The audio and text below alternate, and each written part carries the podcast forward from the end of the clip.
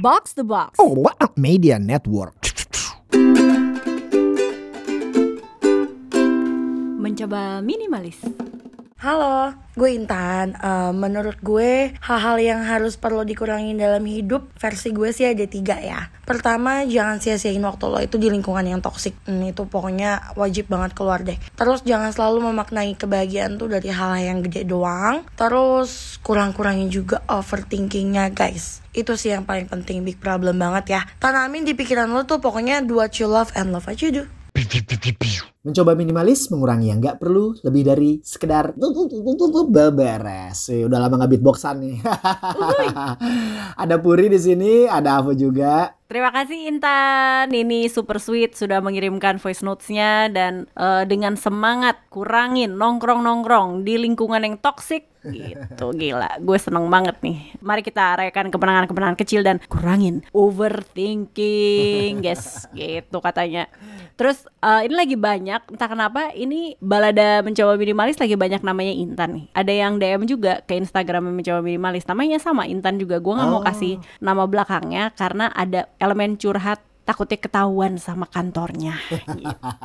soalnya soalnya dia kirim DM abis dengerin mm, episode pivot karir oke atau enggak. Nah gue bacain ya. Dia bilang pas banget nih gue lagi bingung sama kelanjutan karir gue. Sekarang gue kerja di perusahaan FMCG kosmetik lokal terbesar di Indonesia. Uh saya tahu tuh kayaknya yang inisial W ya. Dan gue udah di perusahaan ini sekitar tujuh tahunan. Uh, lama itu. Akhir-akhir ini gue ngerasa stuck baik dari sisi karir maupun pengembangan diri. Baiknya gue gimana ya? Hehehe. Thank you. Silakan Babang Avo. Ada yang mau direspon? Oke, gua paham. Mungkin Intan juga sekarang lagi bingung ya, lagi fase dilematis gitu, lagi fase eh, mentok gitu kan. Saran dari gue sih, tabur aja CV dari sekarang. Jadi mau itu nanti CV lo diwaro atau enggak, tabur dulu aja dari sekarang ya kan, sambil paralel eh, ngerjain kerjaan lo sehari-hari. Oke, itu versi A. Versi B, kalau kerjaan lo menurut lo, lo nggak benci-benci amat, terus gaji cukupan, maksudnya lo ngerasa nggak apa-apa nih dengan keluar segini, gaji gue sekian, terus ibaratnya misalnya kantor nggak ada omongan, oh kayaknya dalam waktu dekat lo akan dipromosikan gitu kan ya? Iya. Eh, gue menawarkan plan B dari apa yang Avo bilang gitu ya. Gak apa-apa lo jadi orang-orang yang kerja secukupnya aja di kantor Tapi abis itu lo kerjain yang lain Nah apa yang lo suka Mau passion project Mau project yang bawa cuan tambahan Ya, kalau udah tujuh tahun di situ kan, gue asumsikan lo udah tahu kerjaan lo modelnya kayak gimana, lo harus delegasi ke siapa. Iya. Kecuali selama tujuh tahun ini anda terus menjadi keset yang diperas dan tidak ada waktu luang lainnya. Nah, itu boleh ke plan A tadi sesuai Bang Avo gitu. Terserah sih. Tapi gimana juga yang pasti tahu kan Anda ya. Iya. Kalau saya sama Babang Avo kan sebagai cheerleaders kehidupan gitu. Jadi siapa kami kami memberikan insights kalau sebenarnya yang paling tahu adalah Anda. Yes. Begitu ya. Nah, terus kalau butuh penyemangat lainnya yang bukan dari kami adalah Michelle Yeoh menang Oscar dan Globe di usia 60 tahun gitu aja sih. tidak ada kata terlambat ya. Yang paling penting sih Intan, kalau bisa curhatan lo ya kan atau keluh kesah lo jangan sampai eh, bocor alus di postingan-postingan sosmed lo. Nah, karena itu bisa terendus tuh sama bos lo ya kan. itu bisa terendus sama rekan kerja lo, bisa eh, terendus sama orang HRD, bisa terendus sama eh, jajaran manajemen gitu. Soalnya eh, eh, dan itu secara nggak langsung kan eh, bisa apa ya membuat orang jadi memiliki eh, persepsi atau penilaian yang lain kan soal kita. Pokoknya Intan, yang penting adalah lo harus poker face di sosmed ya. Jangan sampai terlihat perubahan emosi gitu. Jadi kalau bisa stabil ya. Jadi di kantor stabil, di dunia nyata stabil, di dunia maya stabil gitu. Jangan ada eh, gejolak yang sampai terendus gitu. Soalnya gini Pur, kenapa gua eh, saranin gitu ke Intan? Karena lu pernah gak sih ketemu orang yang kalau lo lihat di sosmed sama di kehidupan nyata itu beda gitu. Oh. Jadi ada yang beda sama baik itu cara berpikirnya, gesternya ya kan atau penampilannya. Pernah dong, dan tidak hanya pengalaman pribadi. Apakah kita tidak ingat ada berita yang pernah viral, kisah LDR LDR TKI Yusuf yang batal nikah karena tertipu kamera jahat tanda kutip. Waduh. Wah, jika tidak ingat, mari saya ingatkan. Saya bacakan berita berikut ini. TKI bernama Yusuf pacaran nih LDR 2 tahun sama TKI lainnya namanya Cece. Terus udah gitu, udah mau nikah nih tapi batal karena Yusuf merasa tertipu karena ternyata penampilan perempuannya uh, si Cece ini beda sama aslinya. Nih kutipannya ya, di foto itu sangat cantik tapi sebenarnya sudah sangat berumur. Walaupun nih kok agak ageism ya Mas Yusuf ini ya. Coba kan mungkin ada perbedaan yang tampak nyata dari apa foto sama yang realnya. Nah terus emang kagak pernah video call dalam hati gue ya. Terus nggak pernah mau video call. Katanya kalau udah pasti mau nikah baru mau video call. Giliran video call suka pakai cadar gitu. Bukan salah cadarnya, ya. Salahnya adalah tidak pakai percakapan yang yuyur sedari awal itu. Nanti saya difatwakan sama geng tetangga, jangan Asli. dong. Ini memang fenomena epic ya, wajah asli berbeda dari foto profile di sosmed. Kalau tadi itu kan penampilan. Nah, ini ada juga nih berita soal netizen Indonesia yang ramah di dunia nyata, tapi sangat mengerikan di dunia maya.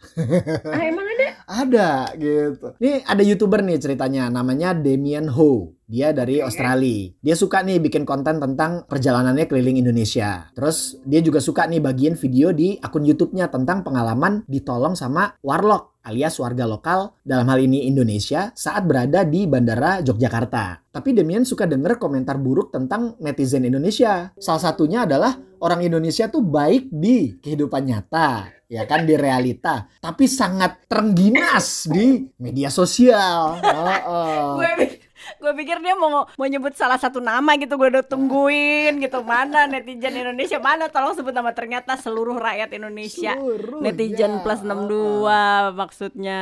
Lalu dia riset deh tuh ya kan? Uh. dan menemukan penelitian yang dirilis sama Microsoft yang menyatakan bahwa netizen Indonesia itu berada di peringkat ketiga terbawah dari 32 negara soal kesopanan di dunia maya.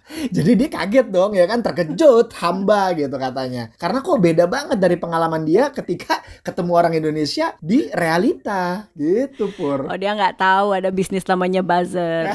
nah kita mah kalau tetangga mah baik, tapi begitu ada apa gitu kan transaksi invoice gitu Wah, ya kan jempol asum. bisa lebih uh, kejam daripada kejam. pedang Lidah. dan menyakitkan dari pedang gitu ya kan tapi balik lagi emang bener semakin ke sini tuh semakin sulit untuk tahu gimana kehidupan nyata seseorang ya kadang kita suka iri lihat foto-foto orang di sosmed gitu tapi ternyata beda sama cerita aslinya kan suka bilang ya kenapa kita jadi lebih galak di media sosial karena ada unsur anonimitas atau orang nggak tahu sebenarnya kita siapa identitas kita siapa siapa. Yeah. Ini bukan kata gue tapi ada penelitian dari University of California. Emang orang jadi lebih agresif di dunia maya karena anonim dan memungkinkan tidak hanya mereka tapi bisa jadi kita semua ya. Jadi nggak bertanggung jawab sama tindakan kita gitu. Ditambah suka ada halu bahasanya mah ya. Yeah. Imajinasi.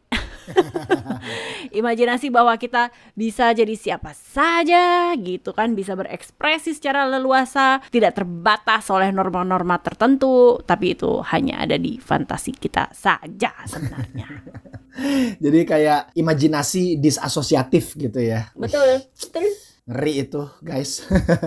Dan ini juga ada fenomena lain nih Pur. Namanya disinhibition effect gitu. Jadi disinhibition effect ini merupakan ketidakmampuan seseorang Ketika mengendalikan perilaku, pikiran, dan perasaan di dunia maya uncontrollable gitu. Nah, ini fenomena kayak gini kalau dibiarin ya bisa ngasih dampak yang negatif ya. Karena kalau gue sih ngelihatnya mungkin cara mengaudit diri sendiri paling gampang tuh lebih ke gini. Contohnya ya, kapan terakhir kali Temins berkomentar di postingan orang? Wah. Emang apa? Kenapa? Misalnya gue gue jarang banget komen sih soalnya. Nah, karena karena Emang hidup kenapa? Anda sudah sibuk. hidup kami sudah sibuk ya kan. Kita tidak ada waktu untuk berkomentar.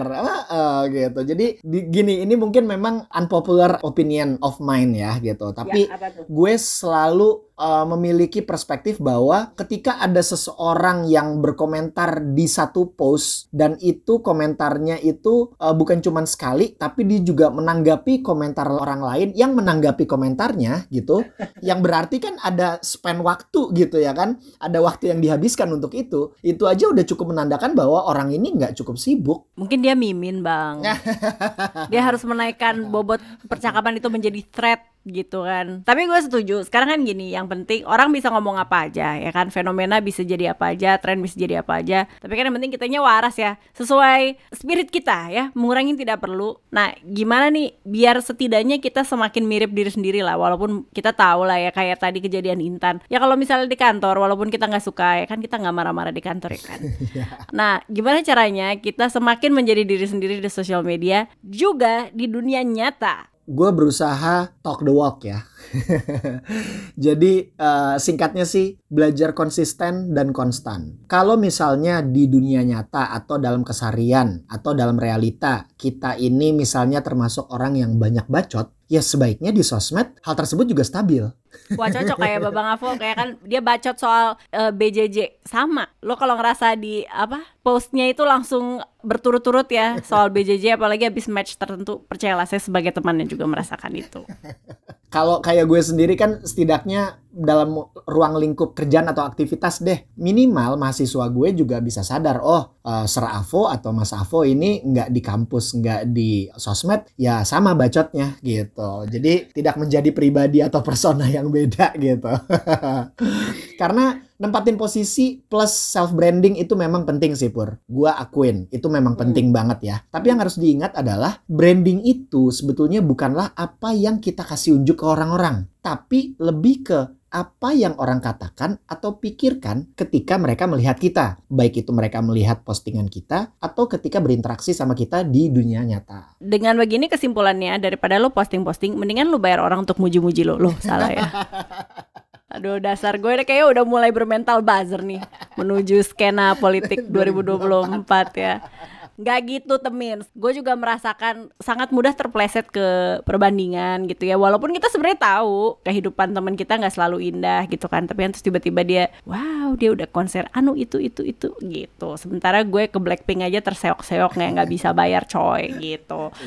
Uh, gue cuman mau bilang nambahin apa yang Avo bilang tadi kalaupun lo kayak gue nih nggak sepenuhnya ngerasa pede uh, case in point ya case in point nih ke soal ketidakpercayaan diri yang Avo akan selalu menjadi cheerleaders hidup gue. Kan ketika Michelle Yeoh menang ya kan Globe Oscar kan semua orang kayak ayo kita bisa gitu kan mewujudkan mimpi. Terus dalam hati gue kayak sambil iya oh iya iya ayo kita hidupkan mimpi. Terus yang kayak untuk menghidupkan mimpi dan kejadian berarti saya harus terlihat seperti Michelle Yeoh di usia 60 tahun kayak gitu tampangnya gitu. Terus insecurity creeps in gitu kan. Maksud gue kayak gue cuma mau menceritakan bagaimana thought proses gue ya ketika yeah, iya. mendapatkan yeah. berita yang seharusnya positif tapi tetap aja gitu. kayak iya. anjir untuk bisa ke sana gue harus kelihatan kayak Michelle Yeoh di usia 60 tahun. Bangsat gitu kan. Gue kayak gue belum gue bahkan nggak secuil pun tampak kayak gitu men gitu. Pasti ya, sabi pur. gue tahu kalau lo akan selalu menjadi teman yang baik betul dari foto iya. SD lo pur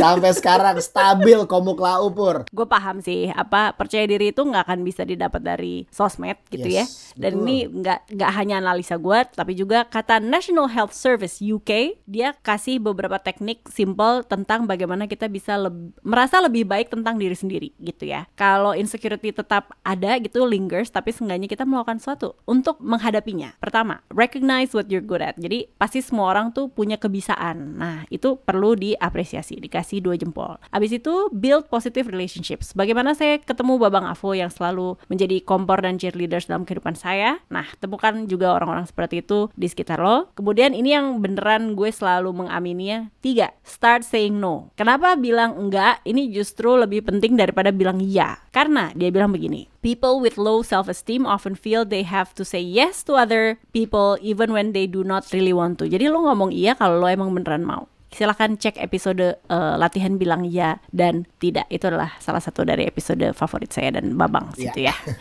Gitu. Dan terakhir give yourself a challenge. Artinya berikan tantangan walaupun itu tetap menakutkan ya atau bikin kita gugup nervous. Tetapi ketika kita set goal tertentu dan ternyata oh gue bisa deng gitu. Atau gue semakin mendekati ke goal itu seenggaknya eh, rasa percaya diri itu mulai terbangun gitu. Jadi dari semua yang diomongin kagak ada tuh hubungannya dengan likes dan eh, oh my god kamu cantik banget komen di sosial media kan nggak kamu, ada, cantik gitu. juga kamu. Begitu terus ya kan sampai Fir'aun hidup lagi main fingerboard lagi gitu. Jadi Terus udah gitu percakapannya mulai kan kayak aduh tapi aku kurang ini ya udah botox aja. Nah, udah deh tuh. Semakin seperti sarang laba-laba yang tidak ada Yes. habisnya itu ya Yes. kalau diikutin rutenya. Pokoknya buat temen usahakan ya agar kita tetap bisa jadi versi diri kita apa adanya, bukan uh, ada apanya gitu ya kan. Amin. Balik di realita atau di sosmed. Buat temen yang mau menjalankan ibadah puasa, mat puasa ya, minal minul. Selamat menjalankan ibadah puasa walaupun eh, episode ini kok tadi agak banyak gibahnya ya. Mohon maaf. Mohon maaf lahir batin juga nih sebelumnya Silakan tapi didengarkan setelah kalian berbuka. Kalau lo suka episode ini nih, jangan lupa share ke temen yang butuhin. Sekalian kasih review bintang 5-nya di Spotify lewat HP lo. Lo juga boleh share pengalaman seperti tadi Intan yang mau DM. Eh, apakah pernah ketemu orang yang berbeda personality-nya di dunia nyata maupun dunia maya? Boleh ya di spill sedikit di DM. Spill, spill. Spill spill di DM at mencoba minimalis atau lo ada ide topik atau sesuatu yang pengen dibahas dan kita belum bahas boleh banget gue dan Avo pamit sampai ketemu di episode berikutnya Puri out Apa Chaps? semangat puasanya mencoba minimalis